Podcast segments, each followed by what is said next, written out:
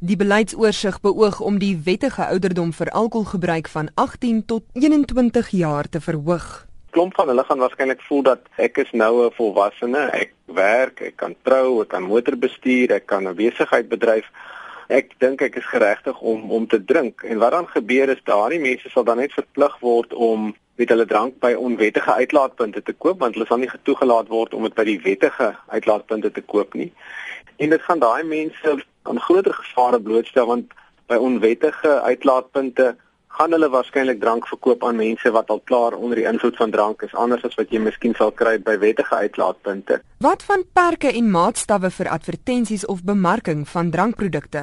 Vir die groot produsente of produsente wat se handelsmerke al gevestig is, gaan dit waarskynlik minder skadelik wees as die nuwe toetreders tot die bedryf weet as jy kom ons sê jy's 'n nuwe wynmakery wat graag jou handelsmerk wil vestig.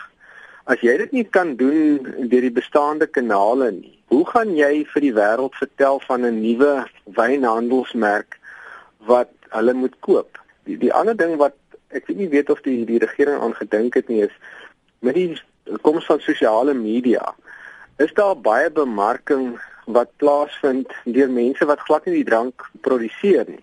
En as 'n mens nie dit kan beheer nie, weet hoe gaan jy in elk geval die die kommunikasie oor drank beheer? Nog 'n voorstel is dat persele wat drank verkoop ten minste 500 meter weg moet wees vanaf onder meer kerke, skole, woonbuurte en openbare instellings. Mense moet ook onthou dat jy kan dit net vir drank verkoop op eiendomme wat korrek gesoneer is en so selfs al beweeg jy buite die 500 meter dan beland jy dalk op erwe of stukke grond wat nie in terme van die munisipale regulasies drankverkope toelaat nie.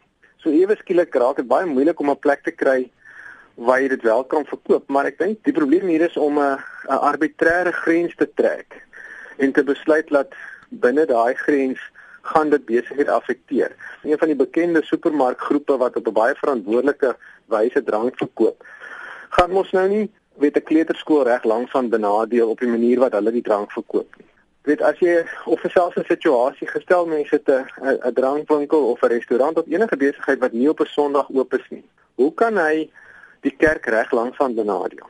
Lisensie voorwaardes kan moontlik gebruik word om breë swart ekonomiese bemagtiging te verseker. Daar is wetgewing oor swart ekonomiese bemagtiging en om nou ook dit in die drankwet te probeer inwerk, dit maak dinge baie ingewikkeld. Ek ek weet nie of dit nie vir besighede moeilik gaan wees om dan te weet hoe om daaraan te voldoen nie.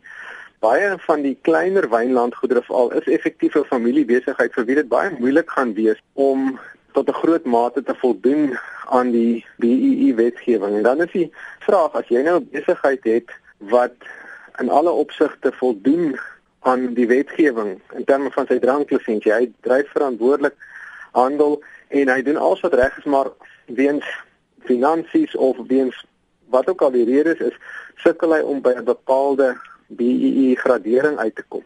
Is dit dan billik om sy lisensie en en dan nou sy reg om besigheid te doen van hom te ontneem? Cronje sê egter daar gaan nog baie water in die see loop voordat die voorstelle wet sal word indien ooit. Ek is Henry Wondergem.